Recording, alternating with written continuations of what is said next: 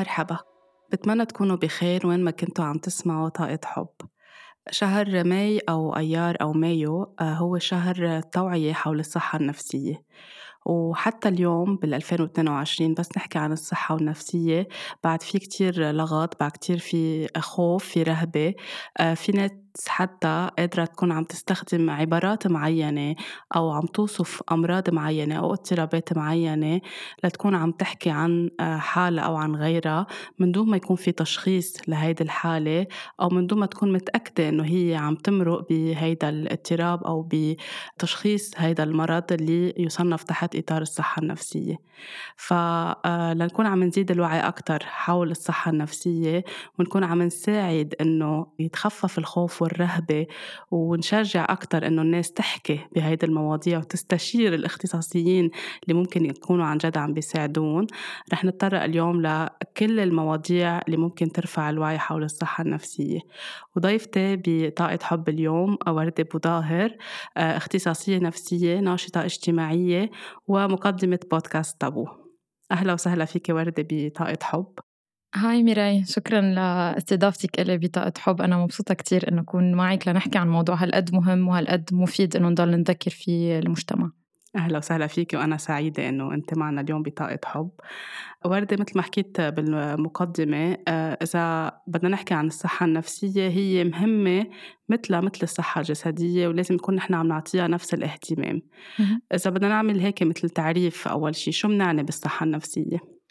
اللي كتير مهم نعرفه عن الصحة النفسية إنه هي أكتر من إنه ما يكون عنا اضطرابات، دايما الأشخاص بيفكروا إنه أنا بكون صحتي النفسية منيحة إذا ما عندي ولا اضطراب نفسي، هذا الشيء مش دقيق، أكيد في عوامل أخرى مثل إنه أنا أكون نوعا ما مرتاح قادر أتعامل مع مشاعري ومع أفكاري بطريقة مناسبة ومريحة ما تكون عم بتسبب لي خنقة أو تعب أو إرهاق من وراها، ومثل ما ذكرت هي جزء لا يتجزأ من الصحة عامة يلي نحن بنعيشها، ومهم نعرف أنه هي بنفس الأهمية لأنه مثل ما الصحة النفسية بتأثر على الصحة الجسدية الصحة الجسدية بالمقابل بتأثر على الصحة النفسية. وبس نكون نحن عم نحكي عن الصحة النفسية إجمالا بعدنا بنشوف يعني للأسف لحد اليوم في ناس بتربط هيدا الشي بالجنون أو بتخاف تحكي عن الموضوع أو بترفض حتى إنها تزور اختصاصي أو إذا حدا عم يرشد حدا بعائلته أو من ضمن محيطه إنه يشوف اختصاصي لأنه عنده آه، عوامل معينة أو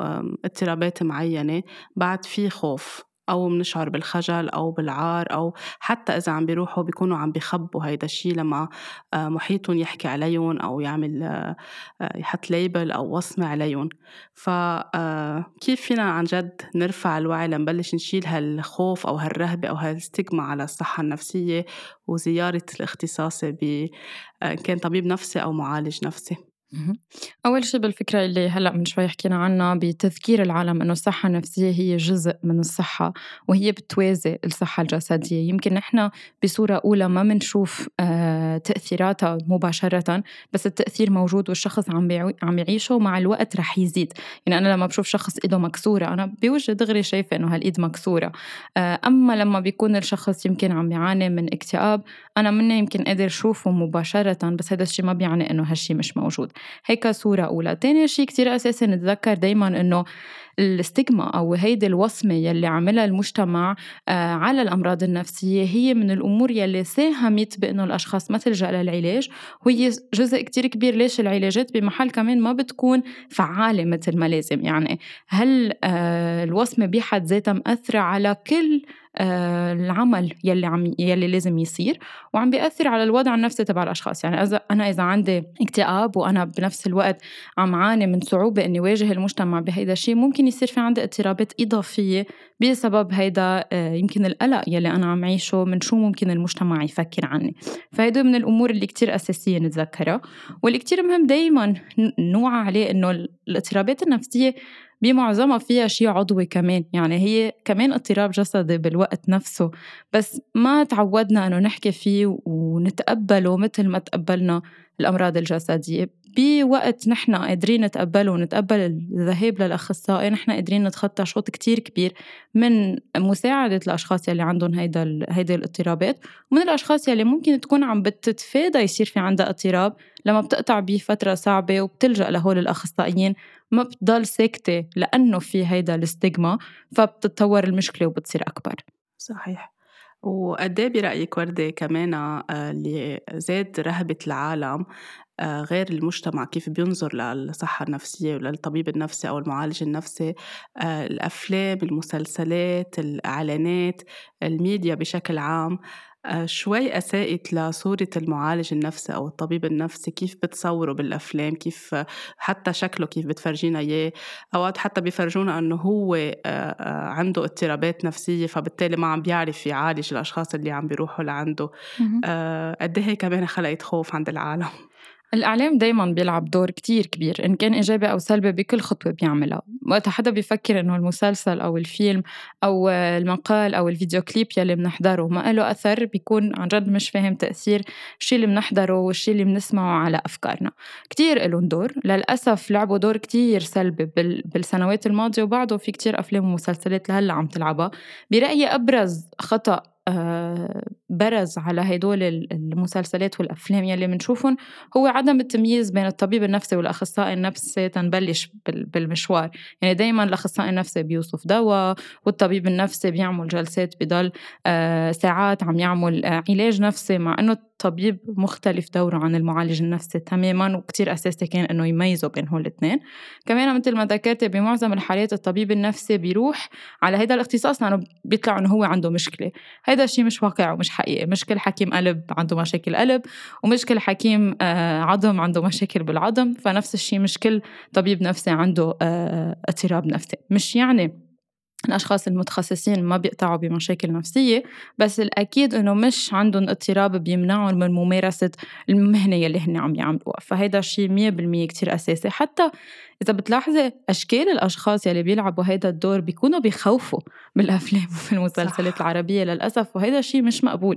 الأخصائي والشخص اللي نحن بدنا نلجأ لعنده هو شخص بيريحنا بنحس إنه نحن فينا نكون معه. مش هيدا غريب الأطوار يلي ما بيقدر يكون عنده رفقة وما عنده حياة. لا الأخصائي النفسي والطبيب النفسي عايش حياته وبيظهر وبيروح وبيكزر مثل ما كل حدا فينا بيعمل هيدا الشيء فأكيد الأفلام لعبت دور كتير كبير ولعبت دور كتير كبير بتصوير هالمجتمع قد إيه هو ما بيتقبل هذا الشيء وإنه أنا بدي أروح بالسر وما فيني أخبر حدا مع إنه أكيد كان فيهم يلعبوا دور بكسر هيدي الوصمة عبر تصوير آه، هالدور بطريقة كتير إيجابية. صحيح في عالم حتى بشغلها بتضطر تخفي إنها هي بتروح عند اختصاصي نفسي كرمال ما يأثر هيدا الشيء على شغلها أو على تنطرد من شغلها أو كمان يصير في وصمة عار. بالوقت اللي لازم يمكن الشركات يبلش يصير في عندها وعي أكتر إنه هي بالديبارتمنت تبعولها تخلق آآ آآ مكان يكون في يعني آه، اختصاصي نفسي عم بيساعد الموظفين أو الأشخاص اللي بالشركة بسبب كتير ضغوطات إن كانت بالعمل أو خارج العمل أو وقت يصير شيء آه، كبير مثلا بداخل البلد بيتطلب إنه الناس يصير في عندها مثل متابعة.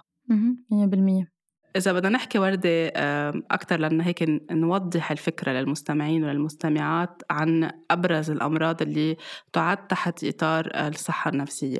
إذا بدنا نحكي أول شيء عن اضطراب الوسواس القهري أو ما يعرف بال OCD اليوم ثلاث أرباع العالم بتسمي حالها OCD أو بتصنف بعدها OCD شو هو التعريف الحقيقي لهيدا الشيء وحتى كمان مع الأولاد يعني إذا الأم بتشوف ابنها بصف الألعاب بطريقة معينة دغري بتحك بيحكموا عليه إنه ابني OCD طالع مثلي. so, ال OCD هو بس نحن بدنا جرور والتياب مرتبين ولا هو أبعد من هيك بكتير. أكيد هو أبعد بكتير بكتير من هيك ورح أستعين بجملة قالها مرة رجا صبرا بحلقة كنا عم نحكي فيه عن ال OCD تحديدا وقال لي إنه لو العالم بيعرفوا شو يعني OCD ما حدا بيقدر يقولها ويبتسم بنفس الجملة. ونحن بالواقع كل العالم بيقولوها على طريق المزحة وعلى طريق إنه مثل كأنه شو هالصفة ال wow يعني إنه أنا OCD إنه wow أنا كتير مرتب وكتير نظيف. أبدا مش هيك ومش هيدي الأو سي دي الأو دي مثل ما الاسم بيقول هي وسواس قهري وسواس هي فكرة. معينة بتكون برأس الشخص وهي بتكون فكرة قهرية. بتفرض على الشخص تصرفات قهرية بتاخد من وقته ومن نهاره يعني وقت خيالي ما بينزل عن الساعة على الأقل بنهاره اليومي وبتأثر على آه، أدائه بحياته اليومية. يعني مثلا كيف منفسر الوسواس القهري على النظافة مثلا؟ مثلا خلينا نعتبر هذا الشخص الفكرة يلي بباله هي إنه ايديه إيديه موسخين. فبيفوت هذا الشخص بغسل إيديه مرة واثنين وثلاثة وهو طالع من المحل اللي كان عم يغسل فيه إيديه بحس إنه إيديه موسخين ورح يوسخ أي شيء رح يدق فيه. فبيرجع بفوت وبغسل إيديه من جديد لأنه هو مقتنع إنه إيديه مش نضاف. فهذا الشخص قادر إنه يأذي جلدته ويأذي إيديه. على قد ما هيدي الفكرة عم بترن براسه لدرجة عم بتحط له هيدا التصرف القهري آه، بباله ليضطر هو يضل يعمله لحتى بمحل هيك شوي يروق إنه لا أنا صاروا إيدي نضاف بقدر آه، اكون عم كفي حياتي. فالشخص ما قصة إنه أنا كثير أو سي دي كل ما باكل بدي اغسل إيدي. عادي كل إنسان كل ما بياكل بحس بده يغسل ايديه يمكن في ناس شوي أكثر من غيرهم. بس هل أنا عم بوصل لمحل إنه هاي الفكرة عم تاكل شي مني لدرجة أنا ما قادر ركز على اي شيء تاني لأنه بدي أكون هالقد عم عم نظف إيدي مثلا وغيره بالترتيب وبطرق أخرى. بس هي كتير أكتر من إنه أنا عبالي أكون نظيفة أو عبالي أكون مرتب. هي بتوصل لمحل بحس الشخص إنه هيدي الفكرة مسيطرة عليه مسيطرة على تصرفاته وعلى كل شيء هو ممكن يكون عم بيحاول يعمله بهي الفترة اللي بتجي الفكرة الفكرة على راسه الفكرة اللي هي اللي موسوس فيها هو تحديدا. من هيك لازم نكون فعلا عن جد عم ننتبه قبل ما نكون عم نطلق أي كلمة أو صفة على حالنا أو على غيرنا ولا ولا حتى على سبيل المزاح أو التنمر يعني مرفوضة. سوري عم أتشك ميراي بس هون كمان مهم نتذكر دايما إنه الشخص اللي عن جد عنده هالاضطراب لما بيسمع شخص هالقد عم بيسخف له الاضطراب تبعه عم بخفف المعاناة تبعه قديش عن جد بينجرح. يعني إذا واحد عم يقطع بفترة كتير صعبة وبيجي حدا بيقول له إنه ما بدها هالقد أو أنا عم عيش نفس اللي أنت عم تعيشه بس هو بيكون يعني مصغر كتير عن يلي هو عم يعيشه قد إيه بينجرح الانسان اللي قدامي؟ فتعي تخيلي إنه في شخص ما عم بيقدر ينام من وراء فكرة معينة براسه يلي هي عن جد OCD ويجي واحد يقول له أنا OCD بس لأنه أنا ما بقدر أشوف القلم الأزرق حد القلم الأخضر إنه الموضوع شوي أوسع وأكبر من هيك فممكن يجرح الشخص اللي بوجنا إذا نحن منسخفه أو منبسطه لأنه يكون مجرد كلمة منقولها وكلمة هيك منكبها بكل فترة أو ظروف نحن بنقدر نحطها فيها. صحيح مية بالمية. إذا بدنا نحكي كمان عن السكيزوفرينيا آه، وردة كمان كيف منعرف عنها؟ آه، هو أكيد هلأ كل عنوان نحن عم نحكيه بيحمل حلقة أو أكثر من حلقة بس هيك نحن مثل description صغيرة للأشخاص أكثر يصير عندهم وعي صحيح شو بيعنوا هول الاضطرابات أو الأمراض. سو so, أغلبية العالم بتقول كمان لبعضها آه، أنا مفصوم أو أنت مفصوم أو شو بك فصمت. كمان نعرف مزبوط شو هو الانفصام شو هو تعدد الشخصيات و ومثل ما قلت نفهمها بالمعنى الطب الصحيح. مية بالمية. أنا بعتقد من أكثر الاضطرابات يلي مفهومين غلط أو مترجمين غلط هو الانفصام أو الفصام أو الانفصام بالشخصية كل هدول الكلمات يستخدموا. ومن هون بحب ذكر إنه مثل ما كنت عم تقولي كل حلقة بتحمل موضوع وعلى تابو كتير ممكن يلاقوا هاي المواضيع مع توسيع أوقات مع شخص عم بيخبرنا تجربته أو آه، مع أخصائي عم بيخبرنا أكتر. على مر السنين الأشخاص فكروا إنه الانفصام بالشخصية هو إنه شخص عنده أكتر من شخصية. وهيدي فكرة مش مزبوطة. ما له علاقة الفصام بهيدا الموضوع بولا ميلة ولا بيتعلق فيه. في أكيد اضطراب آخر بينحكى عنه يلي هو آه بيكون في الشخص عنده تعدد شخصيات وهيدا موضوع كمان كتير كبير بينحكى عنه. بس الفصام هو مختلف. الفصام هو أكتر فيه وهم وهلوسة delusions و hallucinations عند الشخص. فالشخص يلي عنده فصام ما عنده أكتر من شخصية. ولما نحن بنشوف شخص بنقول له مفصوم لأنه غير رأيه فنحن عم نحكي بشيء مش منطقي ولا خصه حتى بالاضطراب ولا مقرب منه. يعني إذا بيجي واحد بيقول لي OCD لأنه مرتب إيه الترتيب إذا صار بدرجة مرتفعة ممكن يصير أو سي دي بس إنه أنا أجي أقول له لشخص أنت مفصوم لأنه غير رأيه فما له علاقة الموضوع بولا طريقة. لأنه الموضوع الفصام هو مختلف هو أكثر عن الشخص بيكون عنده وهم أو هلوسة ممكن يكون بيسمع أصوات ممكن يكون هالشخص عم يتخيل قصص عم بتصير أو عنده فكرة معينة بباله مثلا جاي حدا يقتله أو أي فكرة أخرى آه، بيقتنع هو فيها وبيعيش آه، على أساسها. فالشخص يلي عنده الفصام أو السكيزوفرينيا منه شخص عنده كذا شخصية ومنه شخص بغير رأيه كل دقيقتين. التشخيص هو مختلف تماما ومعنى هذا الاضطراب مختلف تماما عن الفكرة يلي نحن بنسمعها يلي بيجي ناس بيقولوا أنت مفصوم لأنه غير رأيه أو كل شوي كان بمزاج معين وهيدي أكيد بتتطلب تشخيص آه، عند اختصاصي مش كل. نحن يعني نحكم مع بعضنا يعني الجارة تخبر جارتها إنه أنا أبني هيك أو أنا بنتي هيك أو أنا مرقت بهيك فبنصير مثل كأنه عم نوصف لبعضنا آه، من دون ما ناخذ الموضوع على محمل الجد 100% كل الاضطرابات كلهم قد ما قلنا حتى إذا قريت فتت قريت على ال DSM يلي هو الدليل التشخيصي يلي بيستعملوه الأخصائيين وحسيت إنه كل اللي قريتهم بيتناسبوا مع الحالة تبعي ما بحق لي أقول إنه أنا عندي هالاضطراب. التشخيص بيصير فقط من الطبيب النفسي أو من الأخصائي النفسي العيادة. قد ما أشوف حالي بشابه الشيء اللي عم شوفه هيدا علامة إنه أنا لازم أروح شوف أخصائي. أبدا ما بحق لي أجي أقول أنا شخصت نفسي. تشخيص الذات هو شيء مش موجود وما في يكون الإنسان أبدا عم يعتمد عليه. أكيد. آه البارانويا إذا كمان بدنا نحكي عنها وردة إذا بتقدري تفسري لنا شوي عنها.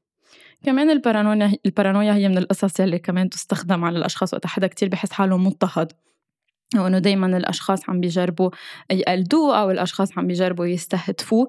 فدائما بينحكوا إنه أنت كتير paranoid أو أنت كتير آه، عم بتحس إنه القصص دائما مستهدفة لك وهذا شيء مش مزبوط.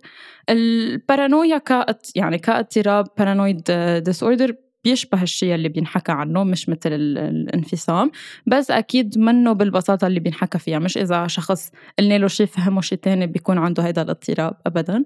هو الموضوع شوي أوسع وشوي آه، دقيق أكتر وبده يكون عم بياخد عن جد من حياة الشخص. وقت بنحكي عن اضطراب نفسي نحن ما عم نحكي عن سوء سلوك أو فكرة أو تصرف معين الشخص عم يعمله. نحن عم نحكي عن اضطراب يعني نحن عم نقول هيدا الشخص هيدي الفكرة نوعا ما مسيطرة على حياته كلها. يعني كل عوامل حياته متأثرة بهيدا الاضطراب اللي نحن عم نحكي عنه. فإذا أنا بجي بشوف شخص بحكي معه دايما حاسس حاله مضطهد مش يعني عنده هيدا الاضطراب. ممكن يكون في بعض العلامات أو الإشارات قريبة من هيدا الاضطراب بس ما بيعني إنه أنا بقدر شخص شخص وأقول له أنت بارانويد على الطالع وعلى النازلة خاصة بهيدي الفترة يلي بنشوف إنه الأشخاص في عندهم دايما هيدا الخوف إنه الناس اللي بيوجهوا يكونوا عم بيتهمون بشيء هن مش عاملينه. فهل هيدا الشيء بيعني إنه كل العالم صار عندهم هيدا الاضطراب؟ أكيد لا. يعني الاضطرابات النفسية ما في شيء منها هالقد شائع لحتى نحن نشوفه بكل الشخصيات اللي بيكونوا موجودين حولنا. Okay.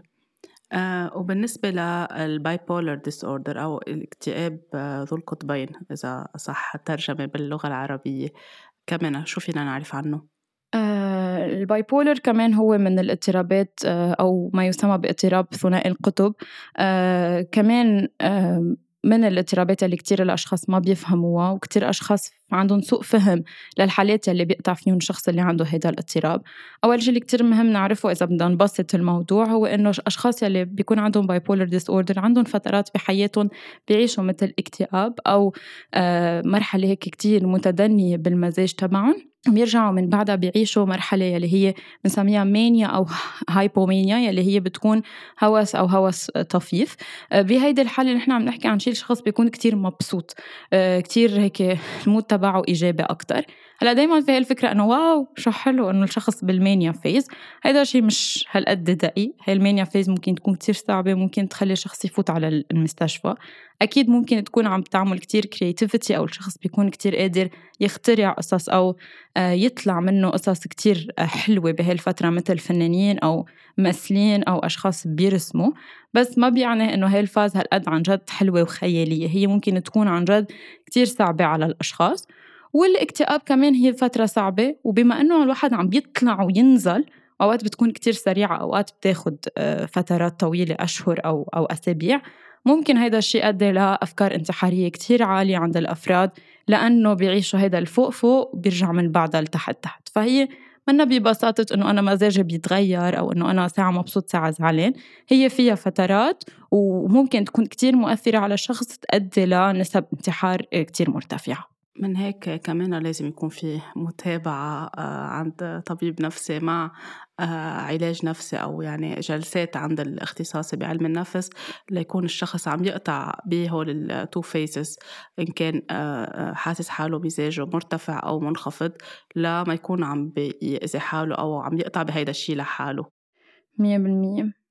الديبريشن وردة إذا كمان بدنا نحكي عنها كمان كموضوع كتير كبير وأنت عاملة حلقة مفصلة عن هذا الموضوع وأكيد بنصح كل المستمعين يسمعوها أو المستمعات ببودكاست طابو وردة آه، بس كمان بما أنه اليوم عم نحكي عن كل شيء شوي شوي الاكتئاب كل العالم بتقول عن حالها. أنا مكتئبة أو هلأ الكلمة الدارجة أنا مدبرس أو مدبرسة أو حتى بيوصفوا لبعضهم أدوية لأنه مدبرسين أو بيوصفوا أشياء لبعضهم.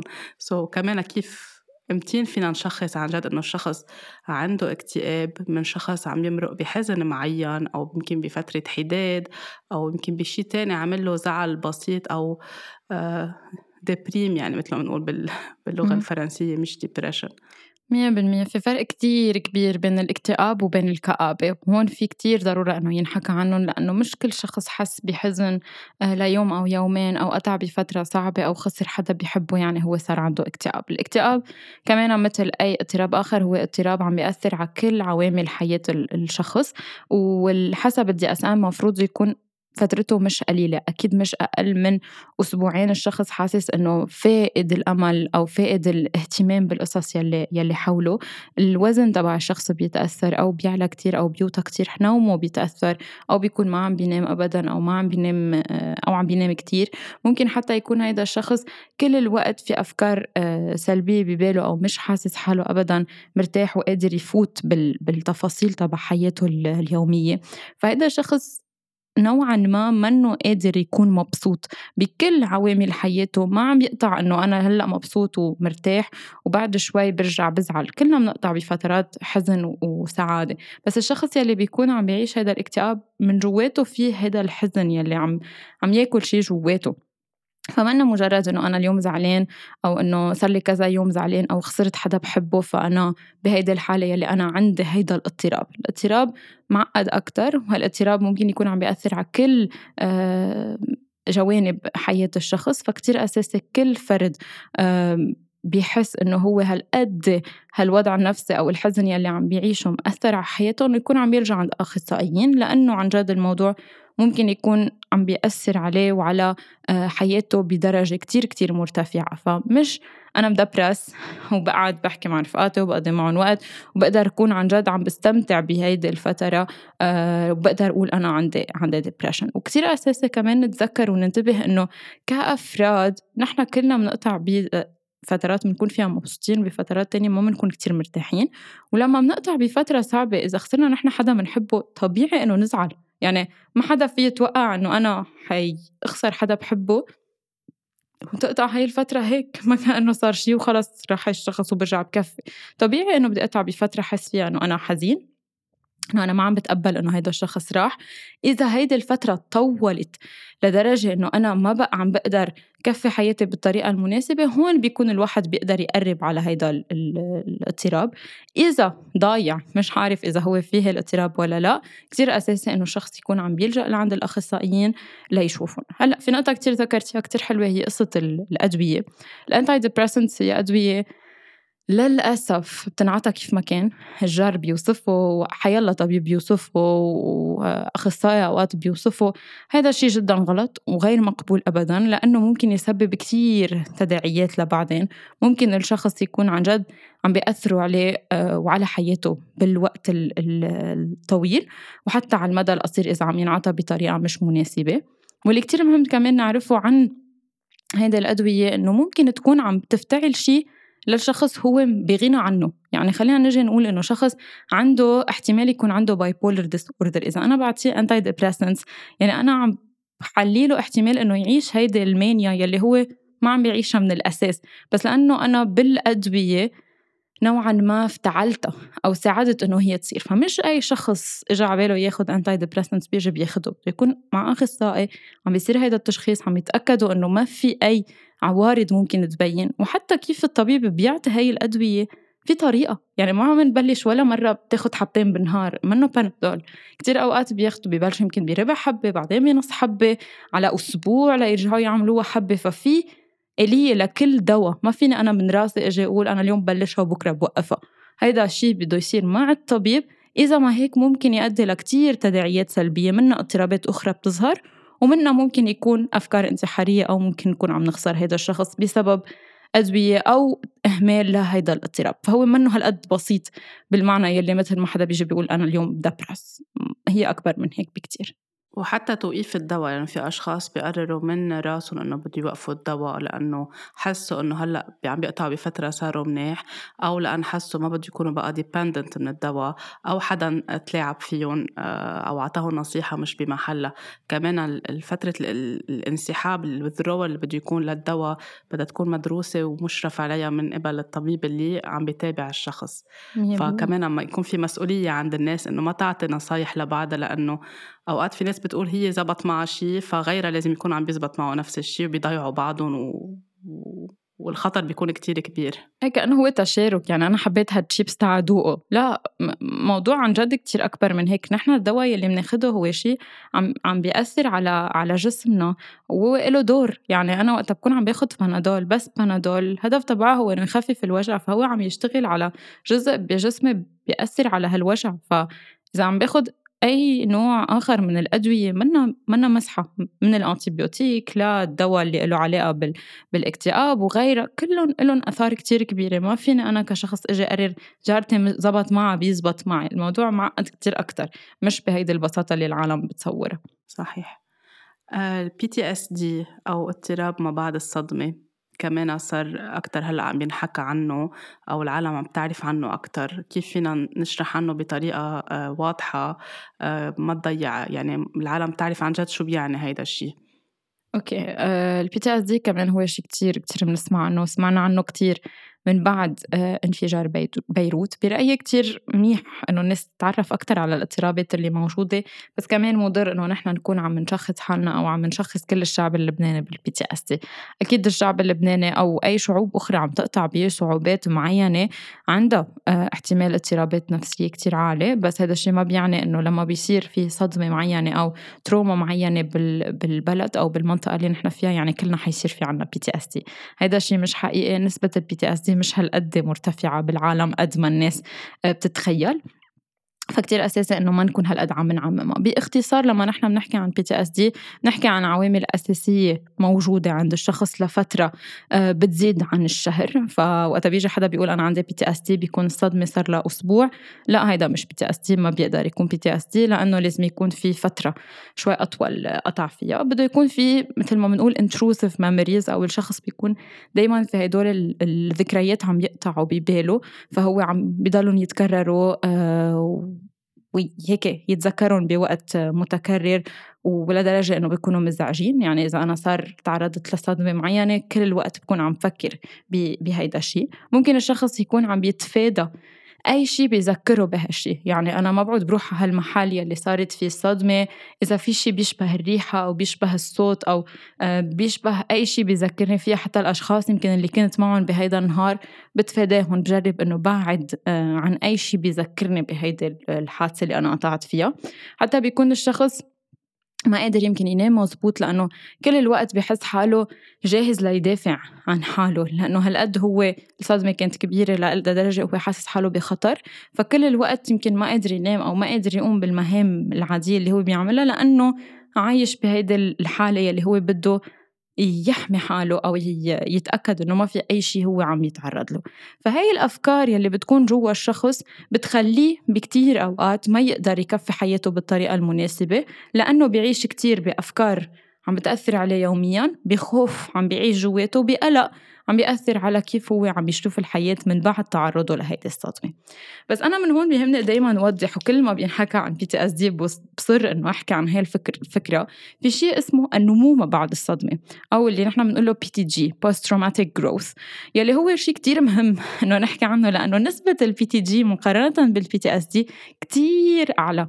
كتير كتير أعلى. يعني آه الأشخاص اللي بيتعرضوا لصدمة معينة ليصير عندهم PTSD هن حوالي يمكن ال 2% بس الأشخاص اللي بيصير عندهم PTG هن بال 90% وأكتر.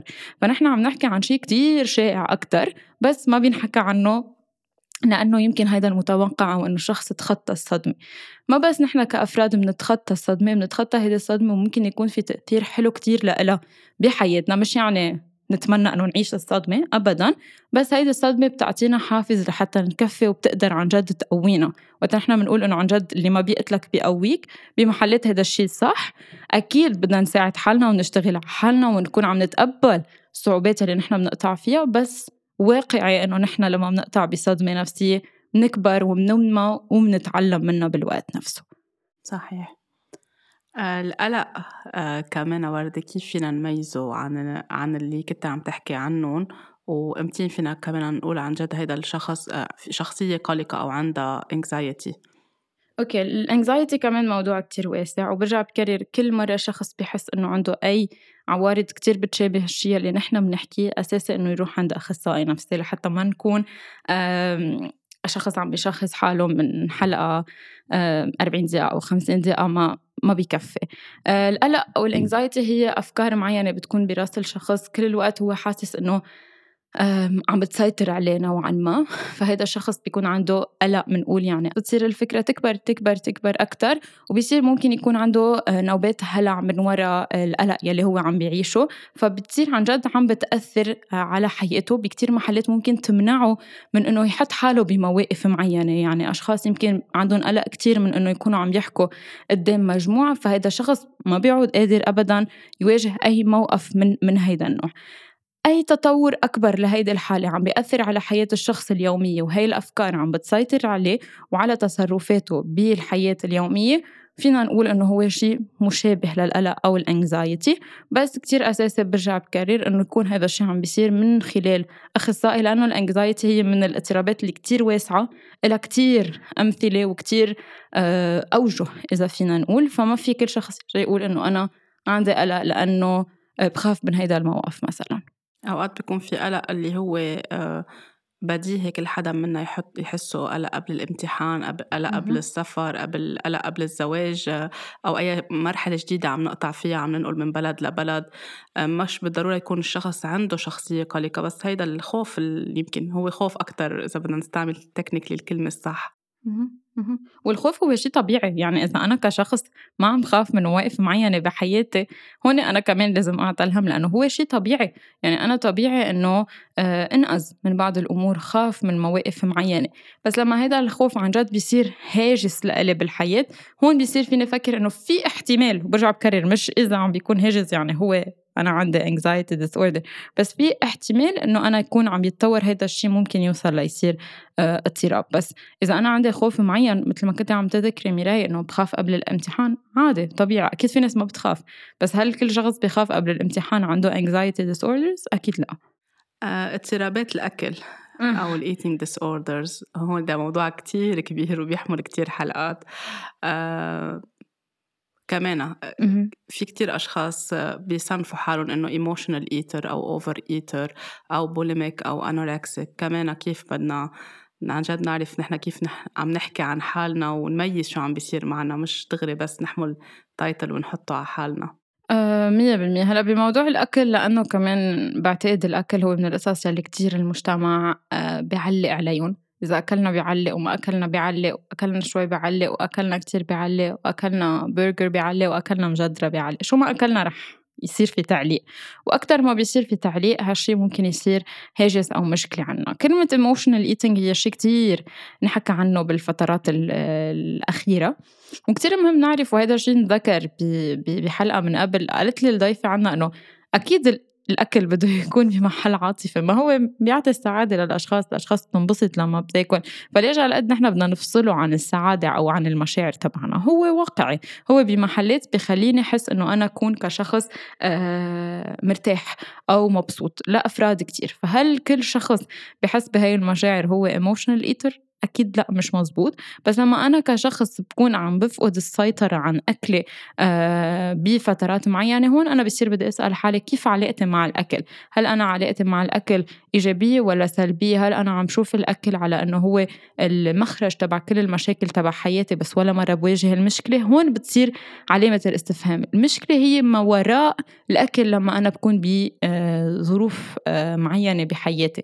مش حالة الأكل لما أنا أكون زعلان. عادي طبيعي أنه أنا يكون عندي ارتباط عاطفي مع آه، بعض الأكل أو الأكل عامة. فكتير مهم أنه نطلع شوي من هيدي فكرة أنه أنا emotional آه، eater وأنا لما بدي آه، أحس حالي زعلان بصير بدي آكل. لأنه هيدا الشيء كمان نحن يعني بنقوله وبنصدقه وبنصير ماشيين فيه. بصير الواحد مزعوج ما عباله ياكل بس لأنه مزعوج هو براسه أنا بس انزعج أنا عادة باكل فرح روح آكل. فهي أفكار نحن نقتنع فيها. وبمحل كمان وقت أنا بيجي عبالي شي معين آكله إنه أحرم حالي منه ما رح يساعد. يعني بيجي أشخاص بيقولوا إنه أنا جاي عبالي شوكولا بس أنا ممنوع هي الجمعة كلها آكل شوكولا.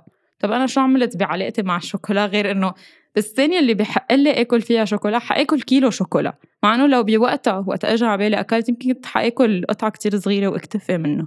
فهيدي العلاقة السلبية مع الأكل هي اللي عم بتأثر وعم بتوصل للواحد يصير عنده كتير آه، مشاكل مع الأكل أو علاقته مع الأكل ما تكون كتير آه، إيجابية وواضحة. هلا لما بنحكي عن eating disorder نحن عم نحكي عن شيء كتير أكبر. وهون بهمني أرجع أذكر إنه كتير كتار ال eating disorders أكثر اثنين بنسمعهم يمكن هن anorexia و bulimia. وكتير مهم نعرف إنه الأشخاص يلي بيكون عندهم eating disorder أو اضطراب بالأكل هن أشخاص عن جد حياتهم عم تتأثر بطريقة كتير كبيرة من علاقتهم بالأكل. وممكن يكونوا عن جد صورتهم لحالهم أو لجسدهم كتير مدمرة وعم بتأثر عليهم وعلى كل المحيط يلي حولهم. فنحن لما بنشوف حولنا أشخاص ما عم ياكلوا منيح أو عم يحكوا عن جسمهم بطريقة مش كتير إيجابية أو نحن كل ما بنشوفهم يي ضعفان ليه بقلك أو يي نصحان. آه، هدول التعليقات اللي كتير بيتكرروا عن جد ممكن جوا الشخص يكونوا عم بيأثروا كتير. خاصة الأشخاص يعني عندهم اضطراب أكل أو كان عندهم اضطراب وهلأ هن بمرحلة ال recovery أو تخطوها إذا فينا نقول وعم يعملوا هيدي ال maintenance كتير ممكن هيدي الكلمة اللي كتير صغيرة ترجعهم كتير خطوات لورا. ف جزء كتير كبير من ال eating disorders والشيء اللي بيعيشه الشخص هو هالتعليقات اللي بياخدها من الناس يلي بتضر بحياته كتير. وبعتقد هون ميراي انت يمكن فيك تقولي من الشغل يلي بتعمليه عن جد قديش صورة الجسم ممكن تتأثر من من الحكي يلي الشخص ممكن يسمعه من الأشخاص اللي حوله.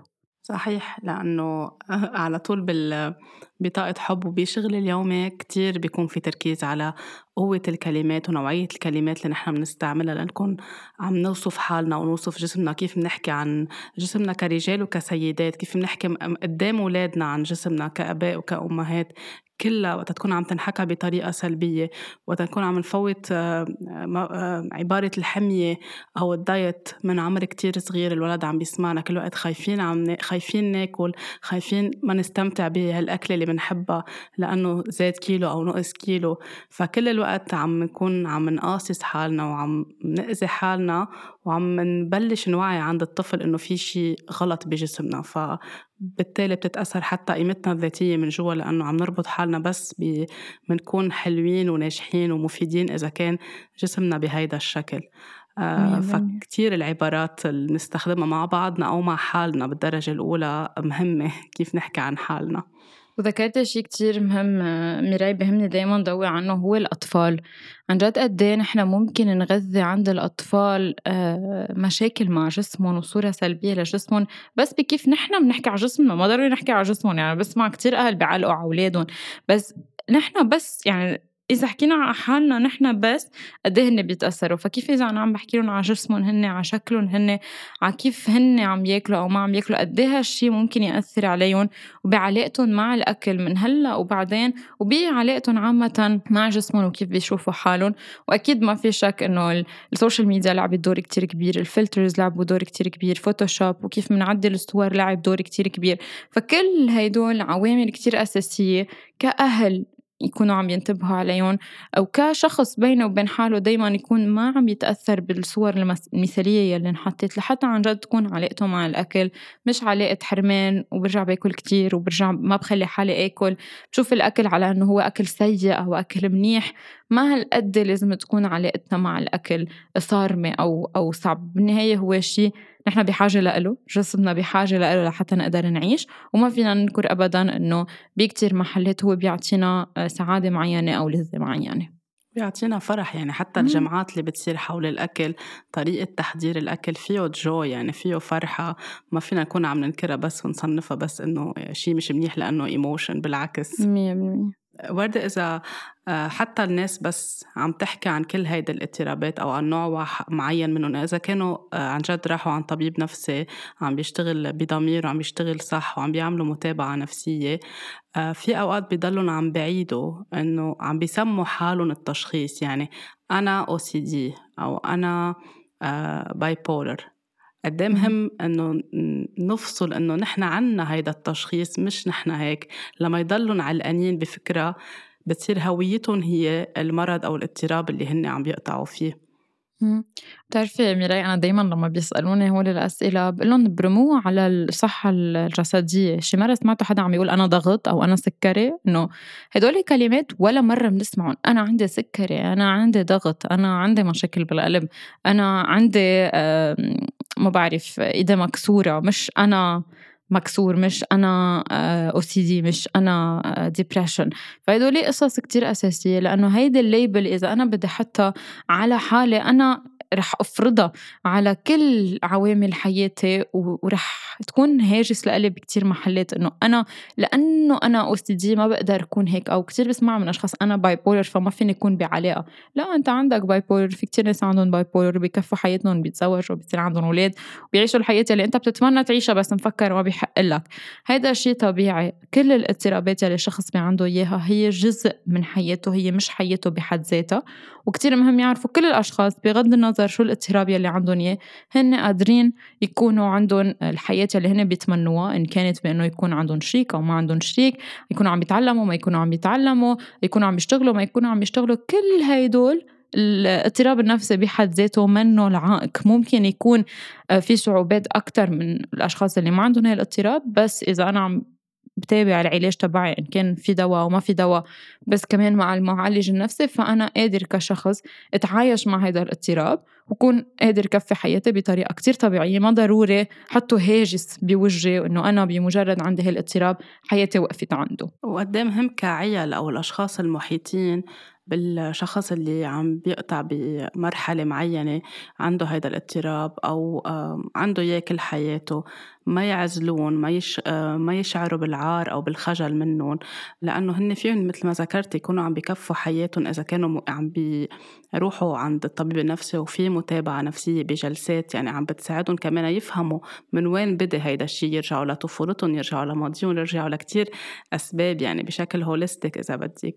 فقد مهم نبني صورة إيجابية نوقف نقول إنه أنا خيي هيك أنا بنتي هيك بنت الجيران هيك ونخبيهم لهول الأشخاص يعني بالماضي كان إذا حدا عنده اضطرابات يخفوه أو يبعدوه أو يحطوه بمحل ما حدا يشوفه. قد مهم نبدأ نغير هيدا الصورة ونرفع الوعي أكثر جزء كتير كتير كتير كتير كبير وقد ما أقول كتير كبير من آه إنه الشخص يقدر يعيش مع الاضطراب تبعه ويتخطى كتير صعوبات هو انه المجتمع يتقبله إنه يتقبل حاله إنه مجتمعه الصغير يتقبله إنه ما حدا يستحي فيه إنه ما يكون مخبى بالشيء اللي عم بيصير معه إنه الناس تستخف بالاضطراب تبعه. أهم شيء ممكن نحن نعمله لشخص حولنا عنده اضطراب معين هو إنه نقرأ عن هالاضطراب نتعرف عليه نشوف عالم صاير معه هالاضطراب نسمع شو الشيء اللي عنده يقوله ما نخفف من الشيء اللي هو عم يعيشه ولا إنه نحن نكون عم نحسسه لهالشخص إنه هو غلط. لما نحن هالقد بنحط هالشخص وبنزويه مع الاضطراب النفسي تبعه وكأنه نحن عم نقول له أنت ما في أمل منك والحياة تبعك ما فيها تكون قد ربع الشيء اللي نحن عم نعيشه. يلي هو شيء خاطئ مش حقيقي في كتير ناس عايشة مع اضطراب وعاشت حياة مثالية وحياة كتير حلوة هن بيحبوها هن مبسوطين فيها. وهيدا شيء أساسي وكتير مهم كل الأشخاص يعرفوا إنه آه، الاضطراب النفسي ما بيوقف حياة ولا الناس اللي حولي إذا هن عندهم اضطراب ولا حياتي إذا أنا آه، عندي اضطراب. يعني مهم كمان نخلق لهم مساحة آمنة. نسمع لهم مثل ما قلت بالحديث ما نسخف لهم الشيء اللي عم بيقطعوا فيه أو ما نقارنهم بأي حدا ولا بحالنا. إذا نحن قطعنا مرحلة اكتئاب بسرعة معينة أو بوتيرة ما بدي أقول بسرعة يعني لازم غيرنا أو بنعرف إنه جارتنا أو زميلتنا بالشغل أو حدا من عائلتنا لازم هو كمان يقطع بنفس هيدا الوتيرة. آه، ولا حتى ندفشهم أوقات. في ناس بتفكر إنها عم تخدم الشخص التاني بصير عم تدفشه على العلاج وهو بعده مش جاهز أو آه، كل هيدي الطرق اللي فيها بتكون عم تأذي أكتر ما عم بتفيد. مية بالمية مية بالمية. أنا على طول بقول وقتها آه، لأنه المسلسلات والإعلام خلق صورة منا صحيحة عن الطب النفسي وعن العلاج النفسي. على طول بتمنى يا ريت الكتاب بس يكتبوا إذا عم نحكي مسلسلات. آه، يقعدوا قبل ما يكتبوا يعني هن عم بيعملوا علاج لكتابة السيناريو آه، يستشيروا طبيب نفسي معالج نفسي أكيد يعني بيشتغلوا بطريقة صح وأثيكال ليعرفوا كيف يبنوا هيدي الشخصيات. مش بس حتى إذا عم بيحكوا عن طبيب نفسي أي كاركتر معين لأنه حتى بالمسلسلات وقت عم بيحكوا عن اكتئاب أو عن بوليميا أو عن بارانويا أوقات عم بيتفرجها بطريقة كتير غلط. فيمكن إذا بدهم يخلقوا الوعي يحكوا مع الأشخاص اللي فيهم يساعدون برك العالم لأنه بتتابع كتير مسلسلات وبتحضر كتير بصير عندها مثل كأنه we are normalizing إنه عم نعمل شيء طبيعي أو نخلي الشيء يصير طبيعي إنه نحن نحكي عن أوجاعنا ونروح نزور طبيب نفسي أو معالج نفسي. وبتعرفي ميراي هون في شيء دايما بهمني إنه أذكره إنه دايما بالمسلسلات لما بدهم يحكوا عن اضطراب بيروحوا على ال extremes دايما يعني بيروحوا على ال disorders اللي عن جد الأشخاص ما بيقدروا يمكن ينخرطوا بالمجتمع أو ممكن يكون في إجرام من وراء الاضطراب يلي هن عم بيعيشوه. يلي هو مع إنه هدول كتير نسبتهم ضئيلة مقارنة بالإضطرابات اللي نحن كتير بنشوفها ويلي كتير مهم نعرف إنه عالميا تقريبا واحد من أربع أشخاص بيقطع بفترة معينة بيكون عنده اضطراب معين نفسي. فقديش نحن وقت بنصور مسلسل من دون ولا شخص قطع بفترة نفسية صعبة أو باضطراب نفسي قد نحن عم نصور واقع مجتمع مش حقيقي؟ يعني نحن بالنهاية المجتمع المسلسل هو نقل لهالواقع. فليش ما بيطلع فيه الاضطرابات المشاعة يلي نحن بنسمع عنها وبنشوف إنها كتير موجودة حولنا؟ ليه دايما أو بنصور ال disorder يلي كتير extreme أو قليل إنه نشوفه بالمجتمع لأنه هو حالة نادرة فبيلفت يمكن كدور بالمسلسل. بس ما بنستعمل ال disorders الشائع أكثر مثل ال OCD مثلا. وبنفرجي عن جد شو هو ال OCD بالصورة الحقيقية مش إنه نحن نروح على آه، حدا بيرتب أغراضه فهو طلع عنده OCD صحيح. إن شاء الله إذا في آه، كتاب عم بيسمعونا بهيدي الحلقة يكون هيك شوي آه، ساعدناهم إنه بإنه نرفع الوعي وعن جد يكون في آه، تحمل مسؤولية لأنه الإعلام كتير بيأثر على العالم ال social media بتأثر حتى إعلان أوقات في إعلانات بتطلع على ال billboards على حملات دعائية لمطعم لكذا بيكون فيهم عبارات أو جمل أو يكون slogan بيكون مأذي للصحة النفسية أو للأشخاص اللي عم بيقطعوا بهول الاضطرابات. فكتير مهم إنه قبل ما نزت أي كلمة يكون ويكون يكون نحن بموقع تأثير نكون عم نتحمل مسؤولية ونسأل ونعمل ريسيرش مش غلط ومش عيب إنه نكون عم نسأل. 100% آه وردة أبو ظاهر آه شكرا كتير على حضورك معنا اليوم بحلقة طاقة حب وشكرا على كل المعلومات اللي أضفتيها. وأكيد برجع بذكر إنه في آه بودكاست طابو في كتير مواضيع أنت حاكية فيها بشكل موسع أكتر. اللي بيحب فيه يرجع أكيد يشوف عناوين الحلقات ويسمع أكتر لياخد فكرة عن كل شيء نحن اليوم حكينا عنه. بركي شوي بإيجاز بس نكون عم نوضح الصورة وعم نرفع الوعي. شكرا كتير لإليك وطاقة حب آه، مني ومن وردة لكل المستمعين وإن شاء الله نكون فدناكم وساعدناكم بهيدي الحلقة أكثر وأكثر آه، وردة بوظاهر اختصاصية نفسية ناشطة اجتماعية ومقدمة بودكاست تابو. شكرا كتير لإليك. وإن شاء الله بنشوفك بغير حلقات بطاقة حب. شكرا كثير ميراي. أنا انبسطت إنه كنت ضيفتك بطاقة حب وكثير بحب اسم الشو بالمناسبة. وإن شاء الله بنرجع بنلتقى بعد بحلقات عديدة. شكرا كثير للاستضافة ميراي. شكرا لك لاقوني الأسبوع اللي جاي بحلقة جديدة واهتموا على طول بحالكم.